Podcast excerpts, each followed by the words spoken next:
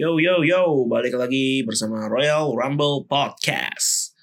Hari ini gue masih sendiri, sayangnya.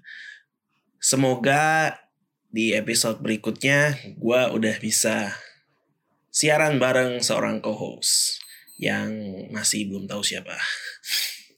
Tapi nggak apa, walaupun sendiri kita tetap jalan terus untuk membahas soal WWE dan Pro Wrestling seperti yang gue bilang di podcast episode pertama, nggak menutup kemungkinan kalau uh, bukan cuma WWE yang gue bahas, tapi juga promotion lain. Dan kebetulan kabar paling hot di minggu lalu, seminggu belakangan ini adalah Kenny Omega yang memutuskan untuk bergabung bersama All Elite Wrestling. Sebuah langkah yang sangat predictable uh, karena bergabungnya Omega ke AEW kayaknya cuma tinggal menunggu konfirmasi aja. Walaupun WWE di rumornya juga minat ya sama Omega tapi ya pada akhirnya Omega milih untuk join AEW. Ini merupakan sebuah move yang akan sangat meningkatkan reputasi dan value dari AEW ya karena di sana juga udah ada Chris Jericho, udah ada Cody Rhodes, The Young Bucks dan lain-lain. Tapi bergabungnya Omega merupakan suatu hal yang besar karena Omega sendiri itu adalah bintang yang sangat populer berkat kiprahnya di NJPW. WWE mungkin akan kehilangan Omega, tapi gue nggak sependapat sama anggapan yang diungkapkan banyak orang. Ini merupakan sebuah hal yang sama dengan yang dilakukan Hulk Hogan puluhan tahun yang lalu di mana waktu itu Hulk Hogan bergabung bersama WCW. Katanya menurut pendapat beberapa orang ini merupakan skala yang sama, skalanya sama gitu antara bergabungnya Omega ke AEW sama pas Hogan gabung ke WCW.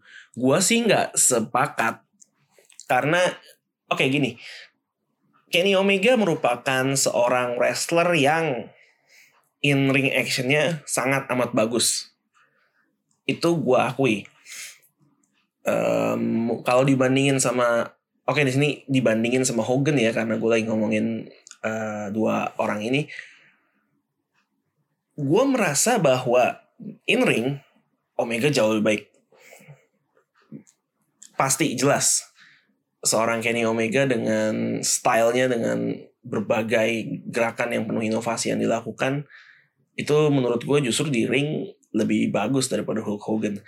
Tapi yang beda adalah with all due respect terhadap Kenny Omega, he's not as big as Hulk Hogan back then oke okay, dia populer, dia naik daun, dia sedang top-topnya, tapi levelnya belum setara sama level Hogan waktu itu pas Hulkster pindah ke WCW. Kita lihat aja followernya Omega sekarang di Twitter. Follower Omega cuma sekitar terakhir gue cek tuh 340 ribuan. Yang mana Hogan pada zamannya itu mungkin sekarang setaranya dengan John Cena katakanlah. Ada uh, ada persamaan mereka sama-sama top star di WWE.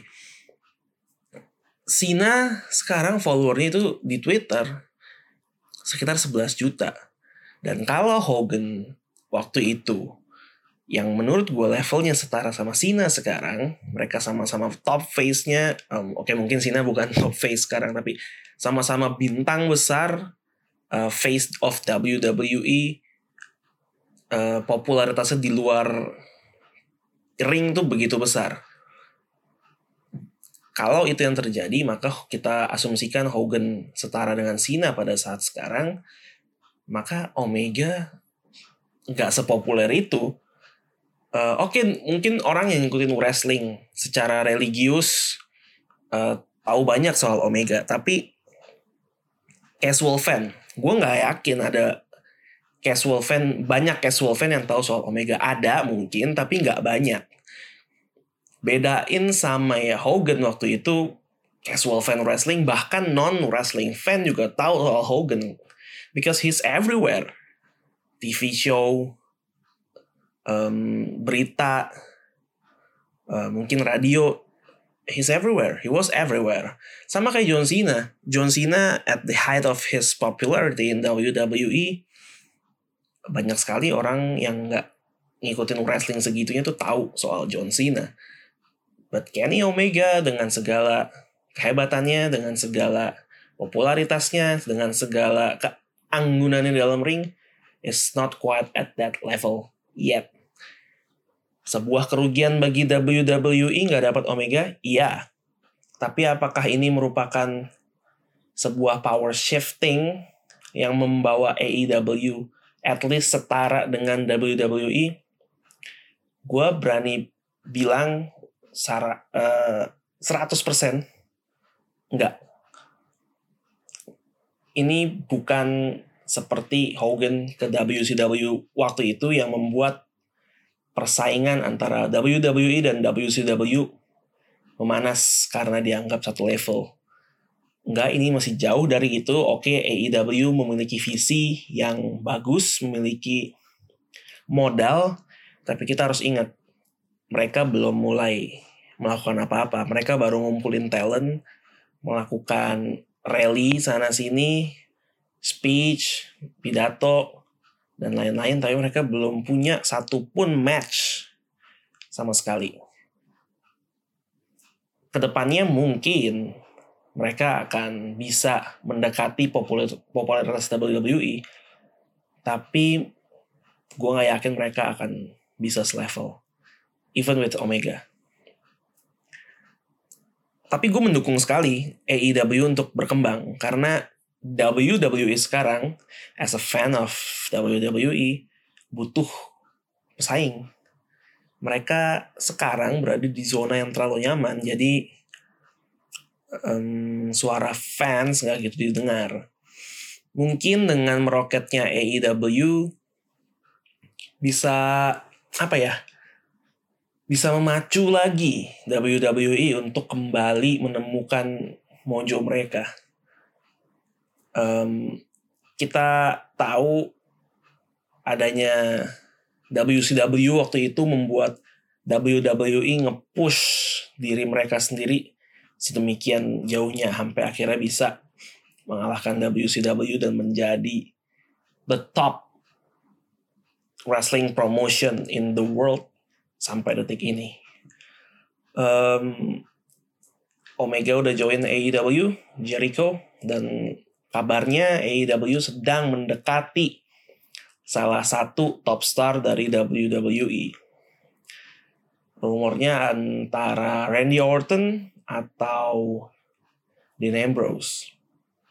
Hmm, gue nggak gue nggak tahu ini masih rumor tapi menurut gue lebih logis kalau mereka deketin Ambrose dengan kontrak Ambrose yang akan segera berakhir dan sudah dikonfirmasi dalam tanda kutip oleh WWE bahwa Ambrose gak akan perpanjang kontrak. Dibanding mereka deketin Orton yang merupakan legendnya WWE akan sangat sulit dan membutuhkan tawaran yang sedemikian menggiurkannya buat mereka bisa merayu Orton join WWE uh, sorry join AEW tapi kalau mereka benar-benar bisa dapetin Orton wow that's huge.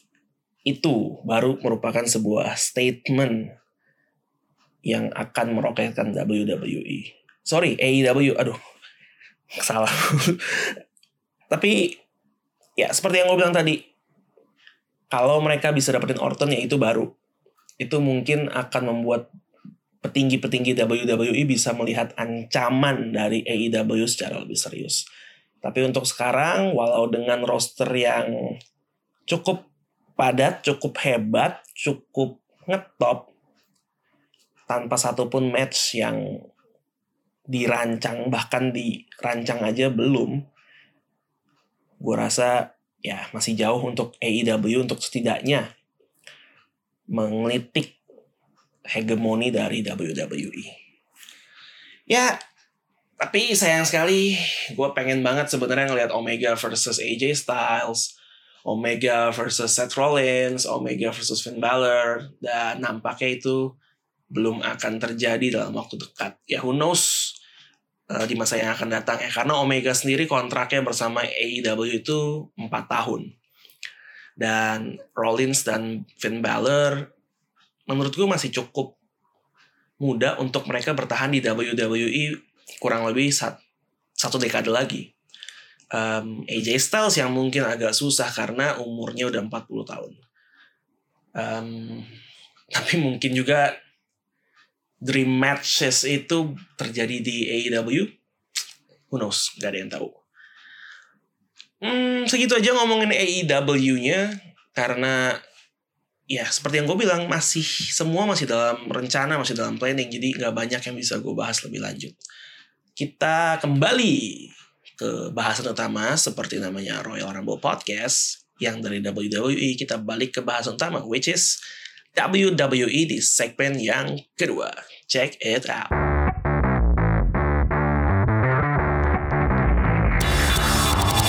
Untuk edisi WWE minggu ini gue mau mulai ngomongin dari NXT dulu. Karena menurut gue ada beberapa segmen yang cukup menarik segmen NXT pada tanggal 6 Februari yang lalu waktu Amerika ya 6 Februari waktu Amerika eh waktu Amerika gak sih um, ah itulah pokoknya NXT minggu lalu dibuka oleh Johnny Gargano jadi Johnny Gargano membanggakan dirinya dia bilang dia merasa bangga untuk bisa berdiri di hadapan audiens sebagai NXT North America Champion dia bilang Johnny Wrestling is back. Tapi perayaan kemenangannya dia diganggu oleh mantan partnernya Tommaso Ciampa. The Champ uh, Ciampa mengatakan bahwa ya yeah, this is their moment.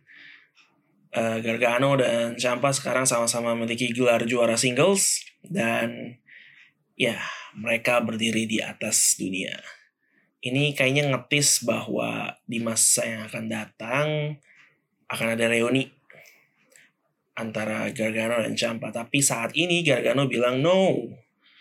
Um, gue justru hadir di sini dan waktu setelah NXT Takeover Phoenix untuk menunjukkan bahwa gue Johnny Gargano nggak membutuhkan siapa pun termasuk Tommaso Ciampa untuk bisa sukses dan menjadi juara. Kemudian ada gangguan lagi di perayaannya Johnny Gargano. Kali ini dari none other than The Velveteen Dream. Hmm, tampilannya Dream kali ini mirip baju tradisional Wakanda ya warna hitam dan emas gitu yang pernah dipakai. Lu kalau nonton Black Panther pasti tahu yang baju yang gue maksud. Baju kebangsaannya uh, Wakanda yang sering dipakai sama si Black Panthernya. Lupa gue namanya siapa um, terus dia juga pakai anting warna emas ya tampilannya selalu nyentrik ya begitulah Velvet in Dream ya sekilas terlihat mirip Paul Pogba buat lo yang suka nonton bola.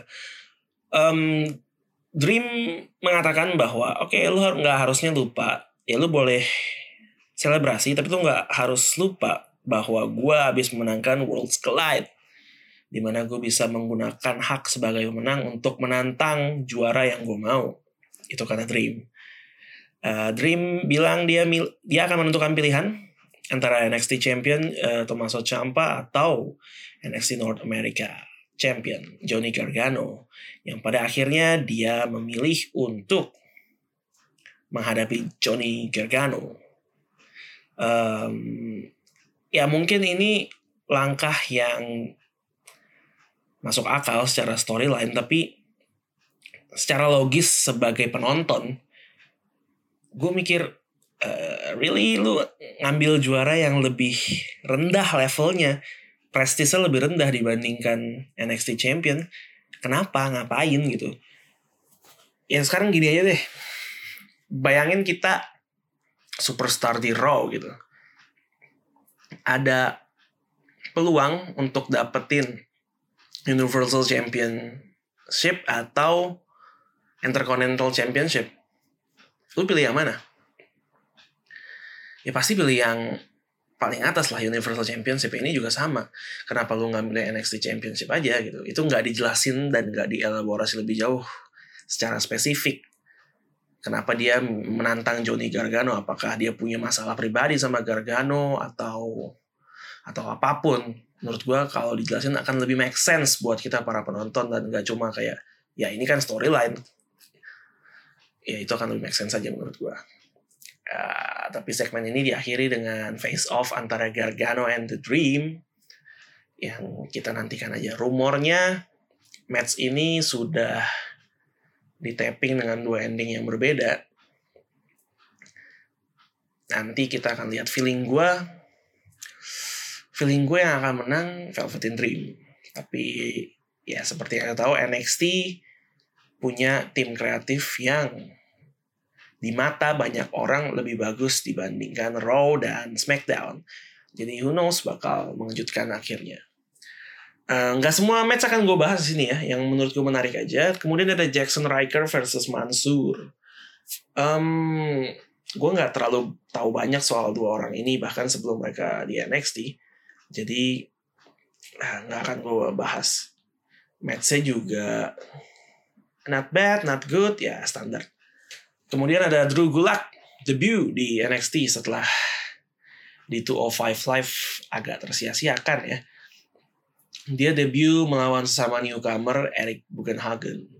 Eric Bugenhagen ini kalau gue lihat-lihat bakal jadi karakter yang cukup disenangi orang, cukup disenangi penonton. Uh, karakter yang menggembirakan. Tapi yang nggak akan melaju sampai atas banget mid carder lah. At best mid carder tapi berpotensi untuk disenangi banyak orang. Personanya kayak rocker salah tempat gitu. Suka main air gitar. Ya cukup nyentrik sih kelakuannya. Menurut gue bisa menjadi seperti penggantinya No Jose ya. Ya balik ke match lagi. Ya Drew Gulak berhasil menang tapi di kemenangannya itu di akhir match di um, diinterupsi oleh The Bro Matt Riddle. Kemudian mereka eh, ini merupakan suatu hal yang menarik dari NXT. Kita nggak tahu bakal ada Drew Gulak versus Matt Riddle. Tiba-tiba Matt Riddle keluar setelah pertandingan Gulak versus Eric Bugenhagen. Pikir cuma akan promo aja kayak biasa. Tapi ternyata kita disuguhi satu match lagi. Dan matchnya sendiri berjalan dengan sangat menarik menurut gue um, sangat fisikal, sangat um, grappling move-nya banyak, submission move-nya juga banyak karena kedua superstar ini finishernya adalah submission. Dan ya akhirnya dimenangi oleh Matt Riddle setelah berhasil membuat Drew Gulak tap out.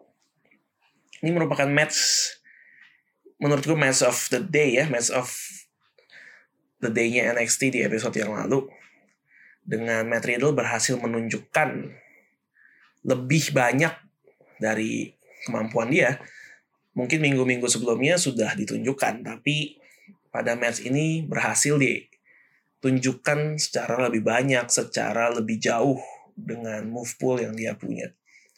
Um, mungkin lo kalau lihat tampilan Matt Riddle, apaan sih nih orang kayaknya cukup aneh, nggak pakai dia tuh nggak pakai sepatu ya nggak pakai alas kaki kalau tampil. Di mana di era sekarang kayak jarang gitu lihat superstar WWE tampil tanpa alas kaki. Kemudian cuma pakai celana pendek rambut gondrong. Kalau lihat karakternya sih kayak nih orang kira-kira bisa nggak ya untuk untuk jadi top superstar? Tapi lo harus lihat kemampuan dia di atas ring. Dan menurut gue Matt Riddle di match kemarin menunjukkan bahwa he belongs to the conversation to be future NXT champion. Um, Drew Gulak di NXT gue punya harapan yang cukup tinggi agar dia nggak disia-siakan di 205 Live. Di 205 Live karakternya cukup menarik, um, promo-promo yang dilakukan juga bagus. Uh, his in ring skills is quite good. His mic skills is quite awesome, I think. Tapi kita tahu 205 Live ya sampah sih nggak ada publikasi nggak jelas sama sekali jadi talenta-talenta hebat di itu F5 Live itu disia-siakan begitu aja. Semoga Gulak bisa lebih menunjukkan dirinya sebagai superstar yang proper di NXT. Kemudian last match ini NXT ada six man tag team match antara The Sky Pirates, Kairi Sane dan Io Shirai ditemani oleh Bianca Belair menghadapi tim Shayna Baszler, Hisamin Duke dan Marina Shafir. Um, kita mungkin buat yang ngikutin NXT tahu Bianca masih cukup kesal atas kekalahannya dari Shayna Baszler. Di match ini kelihatan banget walaupun diportray sebagai babyface dalam dalam pertikaian mereka ya, tapi kita masih bisa lihat lah Bianca Belair yang formerly formerly heel gitu yang yang melakukan hal-hal egois. Tapi menarik ya di match ini, walaupun gue udah tahu yang menang pasti tim babyface-nya yaitu Sane, Io Shirai dan Bianca, tapi yang menariknya yang ngepin Shayna yang kepin tuh Shayna Baszler dan yang ngepin bukan Bianca tapi Io Shirai. Apakah ini berarti Io Shirai akan segera diberikan kesempatan untuk mendapatkan title match? Hmm, mungkin, nah, gue nggak tahu tapi gue berharap iya karena selalu menarik melihat superstar superstar dari Jepang. Uh, mereka punya sesuatu yang berbeda dari superstar wrestler wrestler dari Amerika um, mungkin bisa ditambahkan dalam pertikaiannya Bianca dan Shaina Yoshirai. Karena menurut gue Kairi Sane partnernya akan segera dipanggil ke main roster. Um, which is yang nanti akan gue bahas di segmen yang ketiga. Untuk timnya Shaina sendiri itu Jessamine Duke dan Marina Safir gue nggak terlalu bisa komentar banyak ya. Gue nggak cukup melihat match mereka dengan cukup banyak jadi gue nggak bisa komentar banyak soal mereka tapi ya semoga bisa terus berkembang karena potensinya ada. NXT kan developmental brand ya jadi kalau superstar superstar yang memang masih belum perfect ya it's completely fine di NXT justru mereka akan berkembang di NXT itu yang gue harapin. Hmm, next kita melaju pembahasan mengenai Raw yang lagi-lagi dibuka oleh The Man, Becky Lynch. Kali ini Becky disuspend oleh Stephanie McMahon karena tidak mau menemui dokter atas cedera lutut yang dia alami. Um, Becky merasa bahwa ya gue nggak perlu ketemu dokter ngapain. Tapi Stephanie bersikeras sampai lu nggak sampai lu ketemu dokter, gue nggak akan izinin lu datang ke Raw lagi. Dan kemudian di disuspend bukan cuma di Raw tapi dari semua show WWE. Endingnya ya Becky ngelok Stephanie dalam sebuah armbar.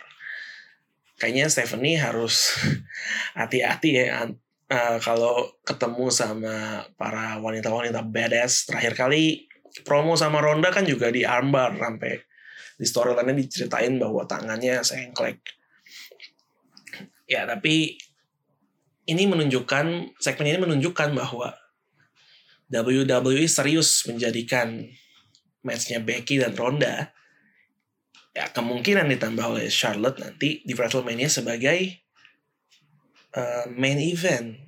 Ada rumor yang mengatakan bahwa this will be the first women's match di WrestleMania yang menjadi main eventnya um, dengan ditaruhnya segmen Becky sebagai bintang utama di Raw dan SmackDown dalam dua minggu berturut-turut, kayaknya indikasinya cukup kuat.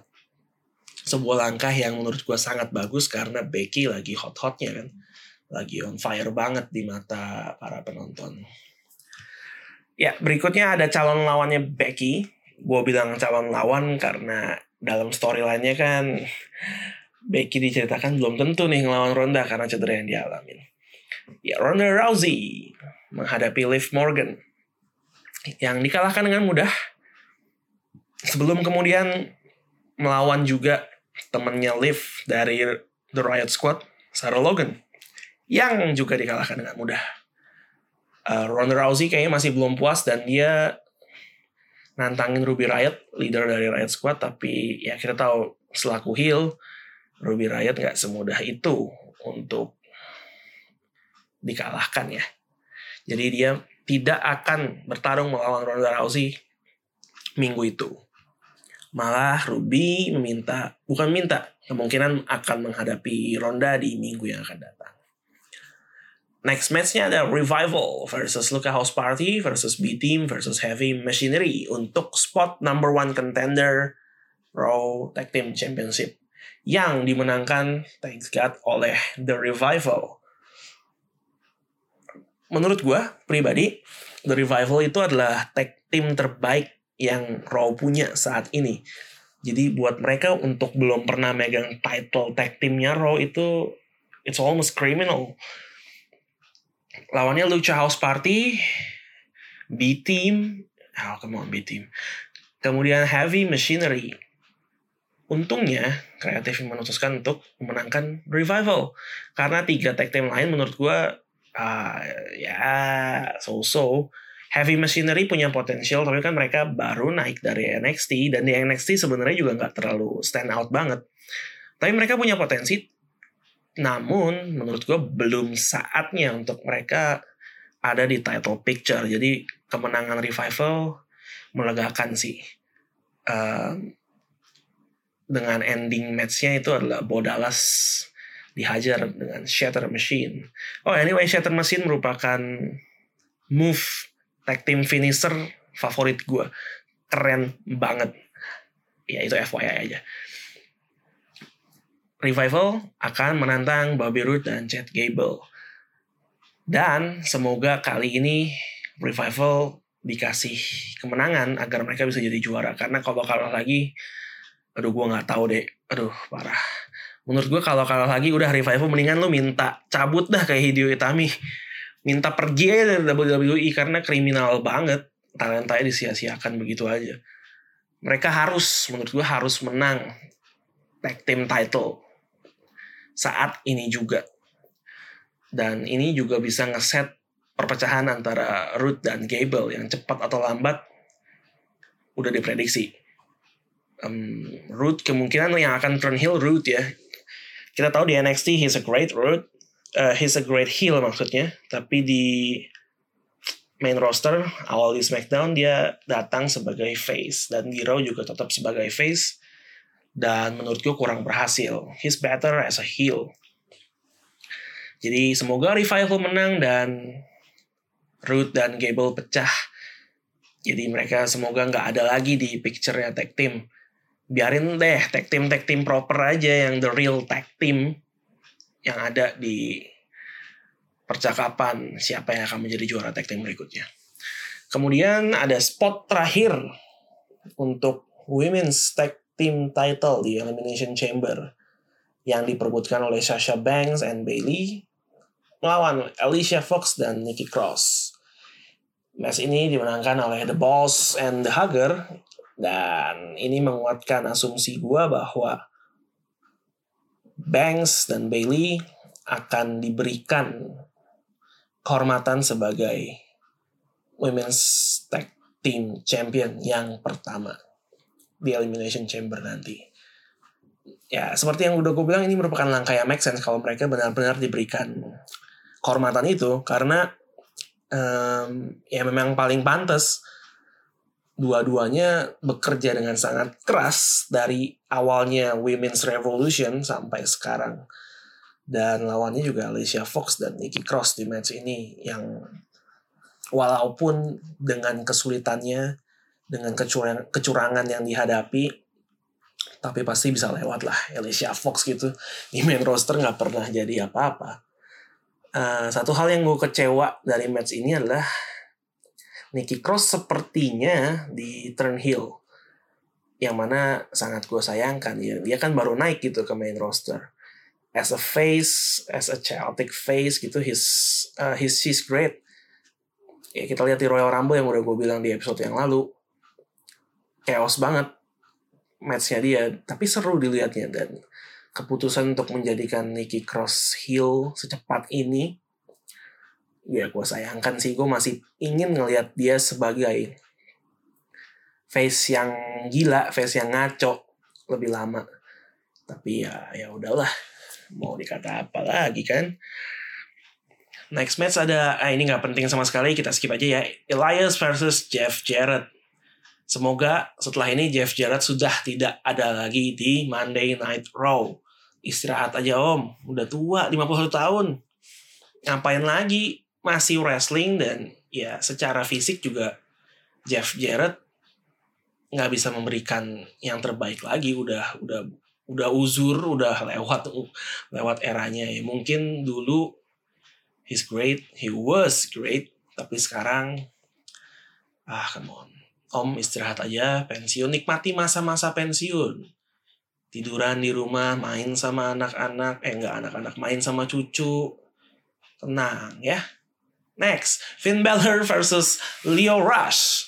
Harusnya melawan Bobby Leslie tapi Bobby Leslie demi kepentingan storyline tentu saja mengatakan bahwa gue tuh bukan lawannya Finn Balor. Mendingan Finn Balor lawan orang yang ukuran tubuhnya tuh mirip.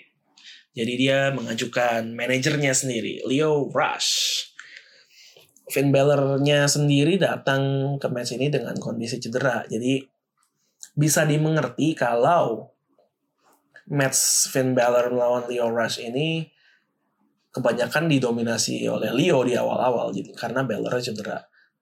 Plus dengan bantuan Leslie juga. Sampai akhirnya Leslie-nya dikeluarkan dari ring sebelum akhirnya Finn Balor berhasil meraih kemenangan lewat coup de grace. Hmm, buat lu yang nggak nonton 205 Live, termasuk gue, uh, ya Leo Rush adalah wrestler juga, superstar, cruiserweight di 205 Live.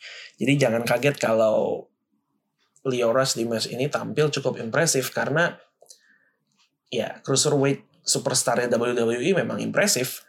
Jadi ini merupakan sedikit showcase atas talentanya Leo Rush. Ya hal yang menyenangkan untuk dilihat. Tapi sebagai build up untuk menuju ke pertandingan Balor lawan Leslie nanti untuk Intercontinental Champion, match ini cukup menghibur. Semoga, semoga aja Finn Balor lawan Bobby Leslie nanti berakhir dengan kemenangan Balor sebagai Intercontinental Champion yang baru karena aduh Bobby Leslie karakter yang sekarang menurut gue nggak banget sih. Gue ya dia potensialnya gede. Karirnya di martial arts di MMA juga bagus. Dia meraih kemenangan juga kan di MMA jadi menyedihkan banget lihat Leslie sekarang jadi heel yang agak-agak stupid gitu kan. Pamer otot pamer otot pantat tuh nggak jelas sama sekali. Semoga jadi kalau mau jadi heel heel yang proper lah atau balik aja jadi face Kemudian ada match Dean Ambrose versus EC3 setelah sebelumnya Ambrose merusak acara A Moment of Bliss-nya Alexa Bliss. Setelah ngecengin Nia Jax yang juga ngerusak acara tersebut, dia kemudian beralih ngecengin EC3 newcomer kita dari NXT. Matchnya sendiri berjalan ya cukup bagus walaupun nggak terlalu impresif tapi bagus lah nggak wow banget tapi oke okay. yang menarik endingnya di mana Dean Ambrose salah satu top superstarnya WWE kalah clean oleh EC3 apakah ini karena Ambrose kontraknya akan segera berakhir bisa iya bisa enggak tapi gue akan sangat kecewa sama kreatifnya WWE termasuk sama Vince McMahon juga kalau ini merupakan pertanda bahwa Ambrose akan dijadikan uh, makanan untuk superstar-superstar lain cuma karena kontraknya akan segera berakhir. Dia dia he deserves better. Sebelum cederanya dia merupakan wrestler yang paling banyak terlibat dalam pertandingan sejak debutnya. So he deserves better. Uh, isi 3 sendiri um, gue dengar gue nggak terlalu banyak ngikutin dia sih di NXT tapi gue denger di NXT dia cukup impresif terutama kemampuan uh, mic-nya ya, kemampuan bicaranya kemampuan dia untuk melakukan promo.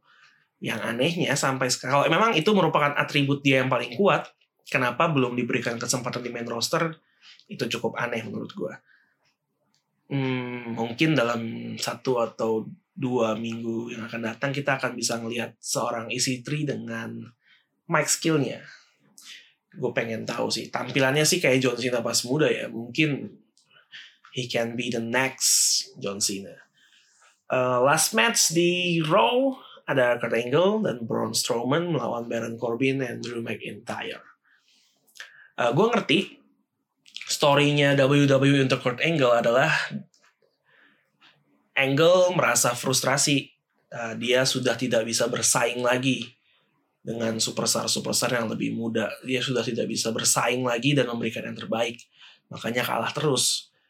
Uh, dan kemudian itu membuatnya direndahkan oleh Baron Corbin yang somehow bisa ngetim sama Drew McIntyre. Ini menyia-nyiakan McIntyre banget menurut gue.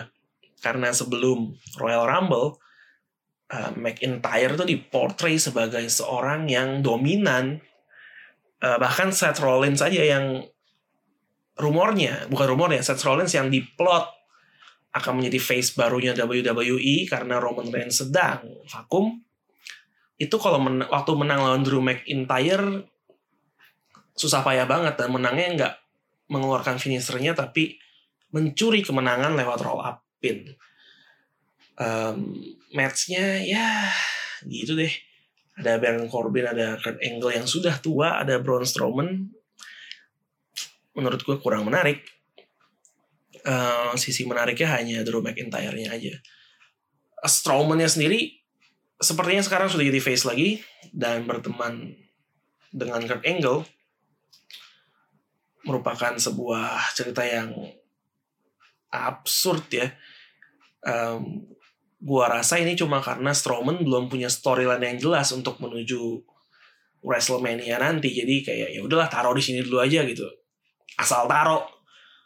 Uh, kasihan si Strowman dan McIntyre menurut gua dengan betapa populernya mereka di mata para fans, mereka seharusnya bisa mendapatkan booking yang lebih bagus dibanding sekarang. Ya, tapi begitulah Raw dari tahun-tahun lalu ya. Berikutnya kita beralih aja ke show terakhir di minggu yang lalu. Ada SmackDown Live yang dibuka oleh Charlotte Flair.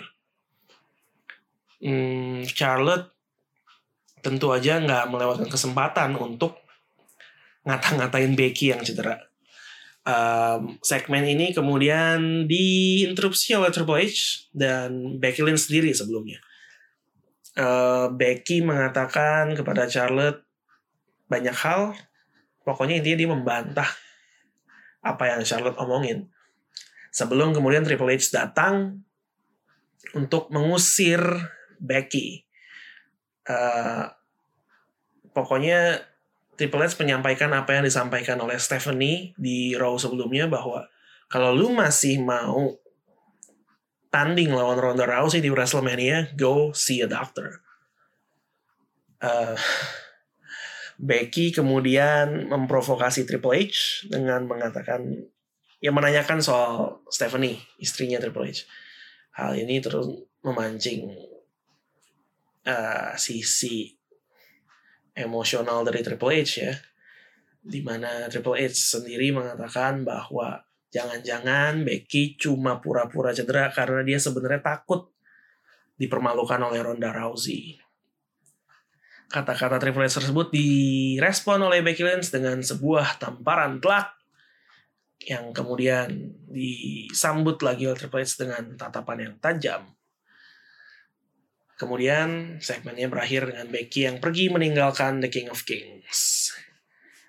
Seperti yang gue bilang tadi, ini menegaskan sekali lagi bahwa ya Becky merupakan superstar yang saat ini top superstarnya dari WWE, bahkan melebihi para superstar prianya. Kehadiran Charlotte Flair di situ juga menegaskan rumor yang beredar bahwa ya Charlotte akan ditambahkan di match Becky melawan Ronda sebagai orang ketiga. Jadi ya matchnya jadi triple threat match. Uh, secara kualitas gue sih nggak keberatan Charlotte masuk sebenarnya karena she's probably she's arguably the best female superstar di WWE sekarang. Tapi secara storyline, uh, gue lebih prefer single match sih antara Becky dan Ronda. Tapi kita lihat aja nanti WWE bawa match ini ke mana. Kemudian ada ya ini Rusev versus Rusev dan Shinsuke Nakamura versus Luke Gallows dan Carl Anderson yang dimenangkan oleh Rusev dan Nakamura. Matchnya berakhir dengan Rusev mengangkat tangan Nakamura yang sepertinya menandakan bahwa ini adalah momen lahirnya tag team yang baru. Which is sampah menurut gue. Rusev dan Nakamura adalah superstar single yang bonafit.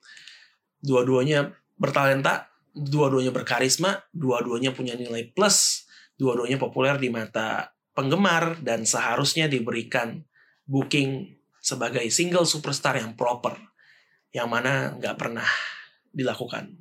Sejak Rusev kehilangan titlenya lawan John Cena beberapa tahun yang lalu, karirnya nggak ke mana-mana. Sementara Nakamura sejak menang Royal Rumble tahun lalu juga sama, nggak ke mana-mana juga.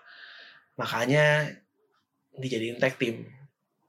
Ah, damn, gue tuh penggemar berat Nakamura dan gue sangat kecewa dengan WWE menggunakan Nakamura. Peter lu pindah deh kalau masih diperlakukan seperti ini dalam jangka waktu yang panjang. Kontraknya kan sudah mau habis juga Nakamura ya. Dan rumornya Nakamura akan berpanjang. Tapi kalau ma kalau memang masih diperlakukan seperti ini, mending pikir-pikir lagi kayak you're better than this, obviously. Uh, dream match Nakamura dan AJ Styles yang nanti-nanti banyak orang berakhir dengan sangat mengecewakan. And it's down to WWE. Kita tahu match Nakamura dan Styles di NJPW itu sangat luar biasa. Tapi kenapa di WWE enggak? Berarti there's something wrong outside of these two superstars. Uh, untuk Gallows and Anderson sendiri sucks banget kalah dari tag team baru. Tag team gado-gado yang gak jelas ini karena mereka di NJPW di Bullet Club juga sangat bagus, merupakan salah satu tag team yang paling populer dan justru karena itu dibawa ke WWE tapi di WWE lagi-lagi disia-siain. Uh, gua rasa juga mereka nggak akan bertahan lebih jauh dari kontraknya. Gue nggak tahu kontrak mereka habis kapan, tapi perlakuan terhadap mereka begitu buruk sehingga kayaknya gue yakin sih setelah kontraknya selesai mereka nggak akan perpanjang. Next match ada Randy Orton versus Mustafa Ali. Um, di mana seperti semestinya Randy Orton berhasil menang dengan RKO. Mustafa Ali merupakan superstar yang baru naik ya, belum lama ini naik dari 205 Live ke SmackDown Live. Sedang naik daun tapi ya memang masih belum di level yang sama dengan Orton. Jadi dimengerti kenapa Orton yang memenangkan match ini dengan clean. Walaupun diganggu oleh Samoa Joe setelah menang ya. Um, Samoa Joe nggak tanding match uh, di minggu ini. Tapi kehadirannya tetap tetap terasa banget karena dia nanti juga akan mengganggu satu match lagi. Tapi nanti itu match yang terakhir kita bahas match berikutnya dulu yaitu Naomi dan Carmela melawan Mandy Rose dan Sonya Deville melawan Billy Kay dan Peyton Royce. Ini merupakan pertandingan filler aja sih antara tiga tag team cewek yang akan tanding di Elimination Chamber nanti untuk memperebutkan WWE Tag Team title. Ya, tiga tim ini adalah perwakilan dari SmackDown Live-nya dan match-nya dimenangkan oleh Mandy Rose dan Sonya Deville di mana Mandy Rose berhasil ngepin Naomi untuk kemenangannya. Ini sekali lagi merupakan hal yang patut diapresiasi karena bahkan dalam match six man tag team ini six women harusnya ya six women tag team ini uh, kreatif SmackDown bisa menemukan cara untuk terus memperpanjang konflik antara Mandy dan Naomi. Ini merupakan suatu hal yang gue sangat suka. Continuity ini yang harus menurut gue harusnya selalu ada minggu demi minggu. Jadi ya ini patut diapresiasi. Walaupun menurut gue dari tiga tim ini ya nggak akan ada yang jadi juara sih karena Dale Connix plays Mandy Rose dan Sonya Deville sama Naomi dan Carmela ya yang kayak gue bilang tadi kemungkinan nggak akan juara dan konfliknya akan diruncingkan kepada Naomi dan Mandy Rose yang sendiri. Oke, okay, terus match terakhir di SmackDown Live minggu lalu adalah Jeff Hardy melawan WWE Champion Daniel Bryan. Hmm, matchnya berjalan dengan oke okay, sampai akhirnya diganggu oleh yes semua Joe seperti yang gue bilang tadi. Um, akhirnya semua kontestan Elimination Chamber keluar dan matchnya berakhir dengan no contest. Padahal sebelum interupsi berjalannya cukup menarik ya, tapi ya ya udahlah ya. Hmm, ini menegaskan lagi bahwa Jeff Hardy masih bisa tampil di level yang tinggi. Walaupun agak agak ngap ya akhir-akhir gue lihat si Jeff. Tapi Jeff tetaplah Jeff ya masih orang yang mengambil resiko. Seorang high flying superstar. Dan gue selalu berharap dia bisa maintain kondisi badannya supaya kita bisa lihat Jeff selama mungkin di WWE ending matchnya sangat chaos jadi nggak bisa gue bahas banyak. Ya ini cuma sebagai masih sebagai pengantar elimination chamber aja sih. Uh, Eric Rowan juga masih ada sebagai konconya Daniel Bryan sempat gangguin Jeff juga. Uh, apakah di elimination chamber Daniel Bryan akan menang gue rasa iya tapi gue rasa juga dengan bantuan Eric Rowan karena ya buat apa ada dia di situ kalau nggak dimanfaatkan untuk prolong heel run-nya Daniel Bryan. Ya nggak tahu gimana caranya karena Elimination Chamber kan uh, outsider susah masuk ya tapi somehow feeling gue Rowan akan memainkan peran yang cukup besar di Elimination Chamber nanti. Oke, okay, itu adalah segmen kedua pembahasan NXT, Raw, dan SmackDown Live yang sudah cukup panjang gue rasa masih ada satu segmen lagi. Kita akan membahas mengenai Superstar Shake Up. Check it out.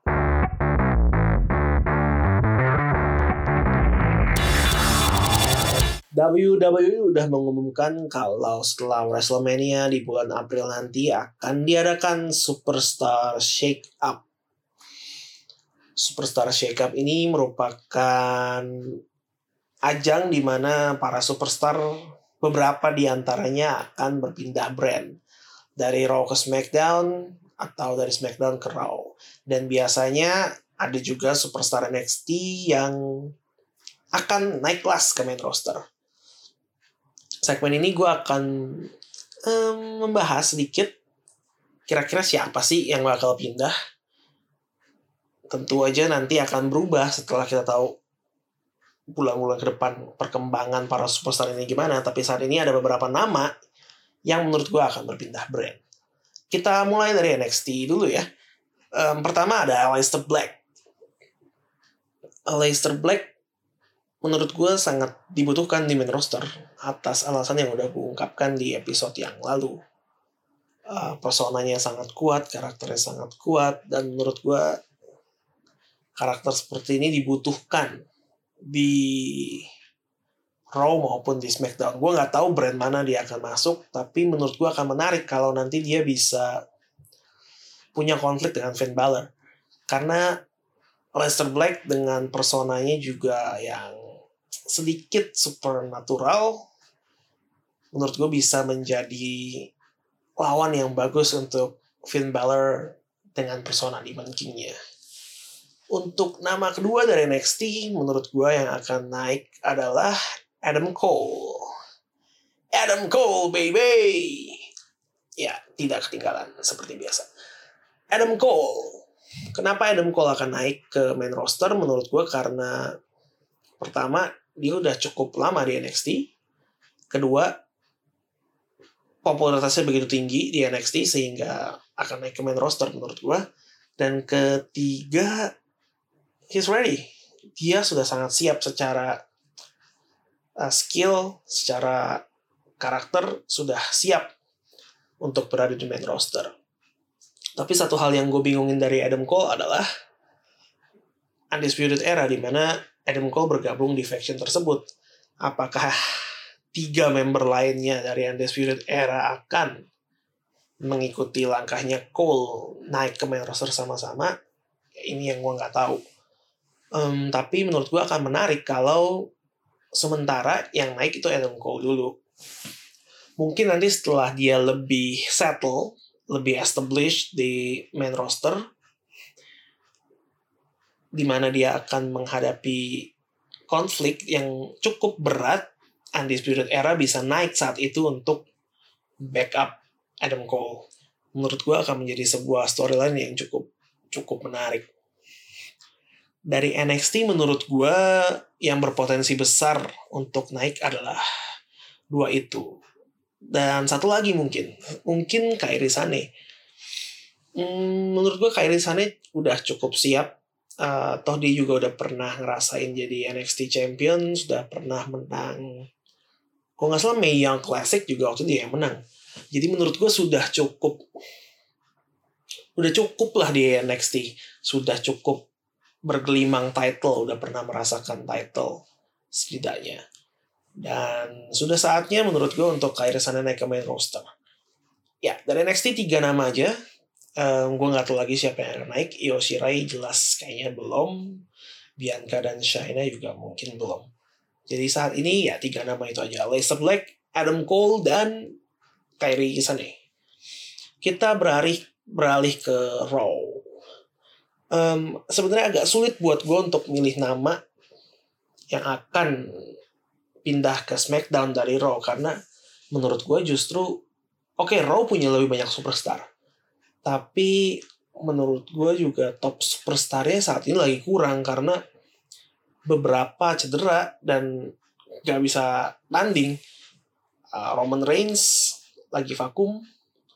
Kevin Owens sampai saat ini sampai podcast ini direkam masih cedera. Sami Zayn masih cedera. Dan dan banyak banyak yang kayaknya dulu gue ngeliat rosternya Raw stack banget penuh banget. Tapi sekarang kalau mau lihat top guy-nya Raw uh, siapa gitu? Seth Rollins Finn Balor. Hmm, siapa lagi? Bobby Lashley gue rasa enggak. Masih ada Drew McIntyre dan Braun Strowman sih tapi uh, belum jelas arahnya WWE untuk menggunakan mereka ke mana. Brock Lesnar nggak gue hitung karena ya semoga abis WrestleMania dia sudah tidak akan pernah memegang gelar Universal Champion itu lagi ya. Oke kita lanjut ke Raw. Siapa yang kira-kira akan pindah ke SmackDown Live? Nomor satu menurut gue Finn Balor. Tapi ini sangat tergantung hasil match dia di WrestleMania uh, dia lagi saat ini kan lagi konflik sama Bobby Leslie untuk Intercontinental Championship yang mana gue berharap akan dimenangkan oleh Balor. Kalau nanti benar Balor akan menjadi Intercontinental Champion dan sampai WrestleMania berakhir dia masih memegang title tersebut, menurut gue Balor tetap stay di Raw. Dia nggak akan pindah ke SmackDown. Tapi kalau setelah WrestleMania berakhir, titlenya sudah tidak di Balor, kemungkinan dia akan cabut ke SmackDown. Itu menurut gue. Kemudian nama lainnya yang akan pindah mungkin Drew McIntyre. Uh, ya Drew McIntyre punya potensi yang tinggi untuk menjadi juara Universal menurut gue. Tapi kalau planningnya untuk WWE bikin Seth Rollins jadi juara di WrestleMania, menurut gue langkah McIntyre untuk jadi Universal Champion gak akan secepat itu. Karena ya Rollins begitu mendapat Universal Championship menurut gue nggak akan terlalu sebentar megang title itu. Jadi paling make sense buat Drew untuk mendapatkan top title adalah di SmackDown. Rumornya di SmackDown Daniel Bryan akan tetap retain sampai WrestleMania berakhir. Dan setelah itu mungkin bisa dipertimbangkan untuk dilepas titlenya um, penantangnya siapa dari SmackDown? Menurut gue yang make sense dari SmackDown cuma satu Samoa Joe. Uh, tapi apakah kreatifnya WWE willing untuk melepas title itu ke Joe? Uh, gue nggak tahu karena sampai sekarang Joe belum pernah dapat title.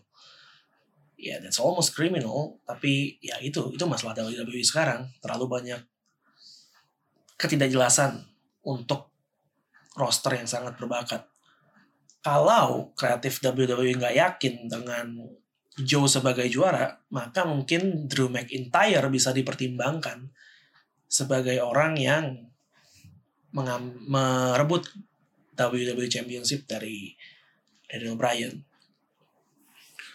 Um, ini juga bisa menjadi langkah maju buat Drew karena banyak fans yang melihat dia itu sangat cocok sebagai top guy-nya WWE. Dan di Raw dia akan sangat sulit mendapatkan kesempatan itu. Untuk tag team, uh, mungkin akan ada satu tag team yang pindah ke SmackDown, tapi gue nggak yakin siapa karena sekali lagi Raw yang menurut gue butuh top team. Jadi mungkin yang akan pindah ke SmackDown tuh tag team tag team mid card ya mungkin B team atau Lucha House Party ya ya seperti itu. Tapi untuk top timnya kayak The Revival hmm, kayaknya sih masih akan tetap stay. Atau mungkin The Ascension mungkin The Ascension bisa pindah. Untuk divisi ceweknya kemungkinan yang akan pindah dari Raw ke SmackDown adalah Alicia Fox karena di Raw sangat tidak jelas. uh, mungkin Fox bisa pindah ke SmackDown dan ditukar oleh beberapa superstar cewek SmackDown yang profilnya lebih tinggi. Walaupun di Raw sendiri udah cukup banyak roster uh, wanita. Tapi mereka kekurangan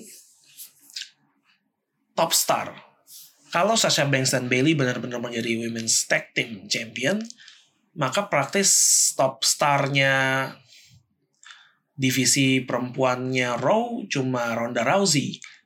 Yang kalau lu dengerin podcast gue minggu lalu, rumornya setelah WrestleMania akan vakum.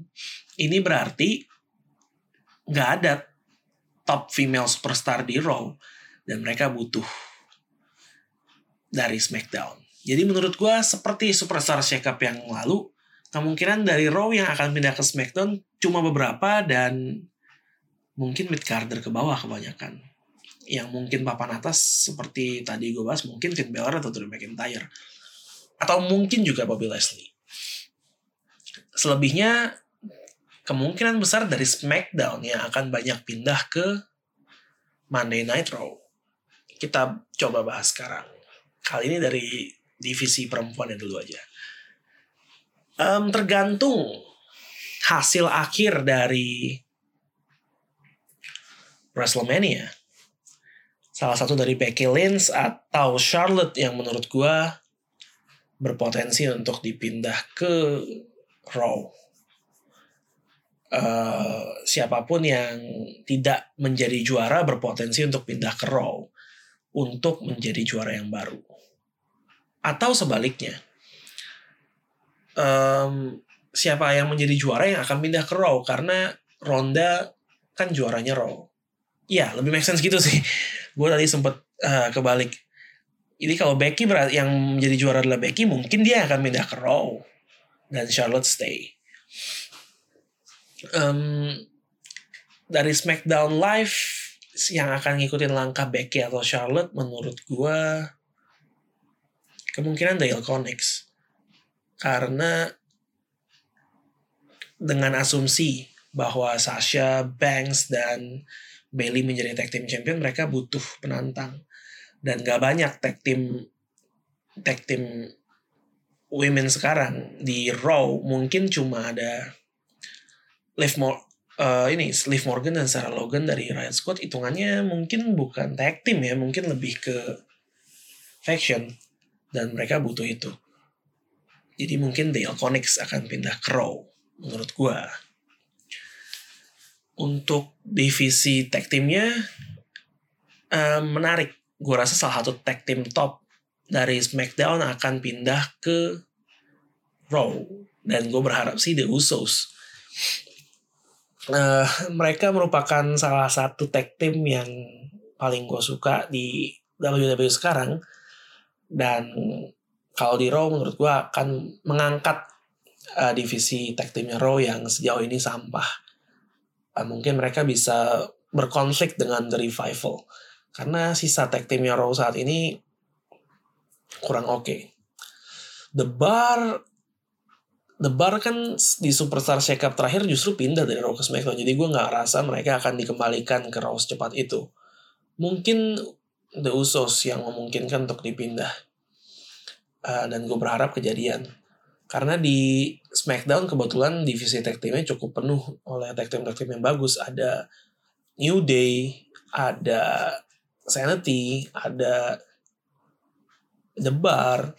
Walaupun di Raw sebenarnya ada AOP ya, cuma ya lagi-lagi mismanaged. Um, belum menunjukkan potensi mereka seperti yang kita lihat di NXT. Jadi harapan gue ada Usos akan pindah ke Raw untuk single superstarnya ini kontroversial tapi somehow entah kenapa gue ngerasa AJ Styles akan dipindah ke Monday Night Raw.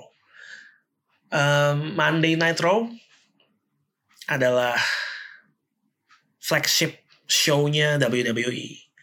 Dan AJ Styles adalah salah satu bintang paling besar di WWE sekarang um, make sense gue rasa kalau Vince mau bintang terbesar dia ada di flagship show-nya. Jadi udah dirumorkan sejak flex uh, sejak shake up tahun lalu tapi tidak terjadi. Menurut gue di shake up tahun ini akan terjadi yaitu AJ Styles pindah ke Raw.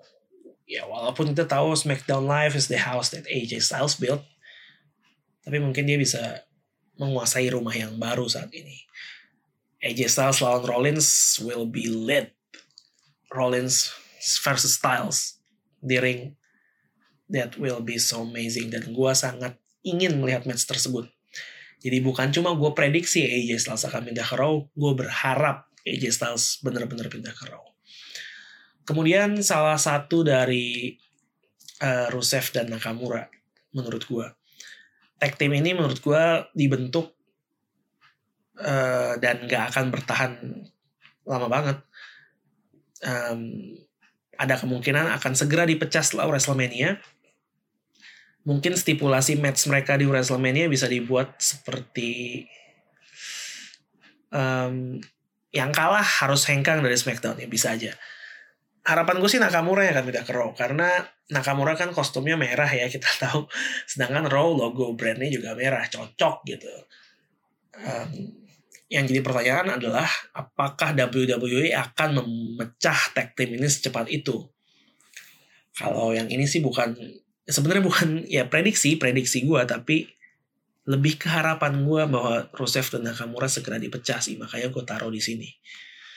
Uh, semoga aja bener tidak dipertahankan lebih lama dan dan Nakamura atau Rusev salah satu pindah ke Monday Night Raw. Um, kayaknya sih saat ini gue nggak bisa kasih nama lebih banyak ya karena akan ada banyak faktor perubahan selama beberapa bulan ke depan sampai WrestleMania nanti. Mungkin nanti akan lebih jelas uh, siapa-siapa aja yang berpotensi untuk di trade. Tapi saat ini itu nama-nama yang menurut gue berpotensi untuk pindah.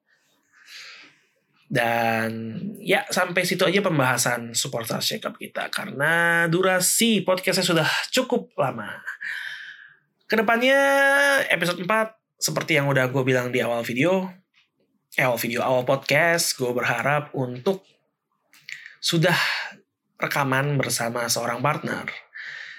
Semoga aja agar pembahasan kita bisa lebih ekspansif.